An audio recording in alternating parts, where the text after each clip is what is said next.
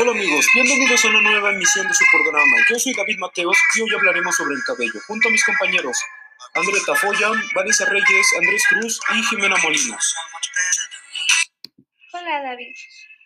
Así es, como dijo mi compañero, hoy hablaremos sobre el cabello. ¿Ustedes saben de qué está compuesto? Pues está compuesto por una fibra de queratina y constituido por una raíz y un tallo, que se forma en un folículo de la dermis y constituye el rasgo característico de la piel, delgada o fina. Las moléculas que se encuentran en nuestro cabello son de cisteína.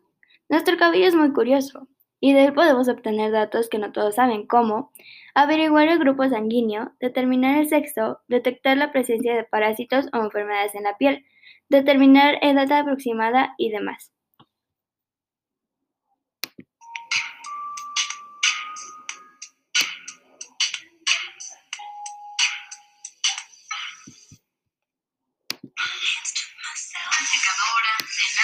Daña mucho el cabello, ¿verdad? Yo necesito más que un acondicionador, mucho más.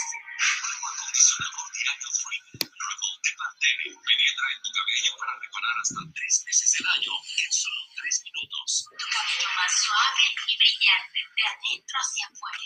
Cámbiate a Pantene y notarás la diferencia. Pantene es mucho más que un acondicionador.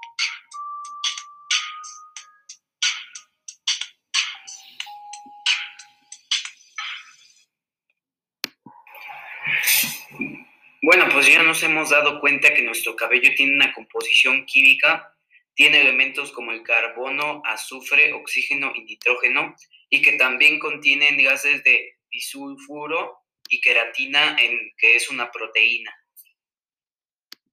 Claro, André, y hemos hecho entrevistas donde le preguntamos a las personas si conocen la, la composición del cabello, pero lamentablemente no todos saben de ello.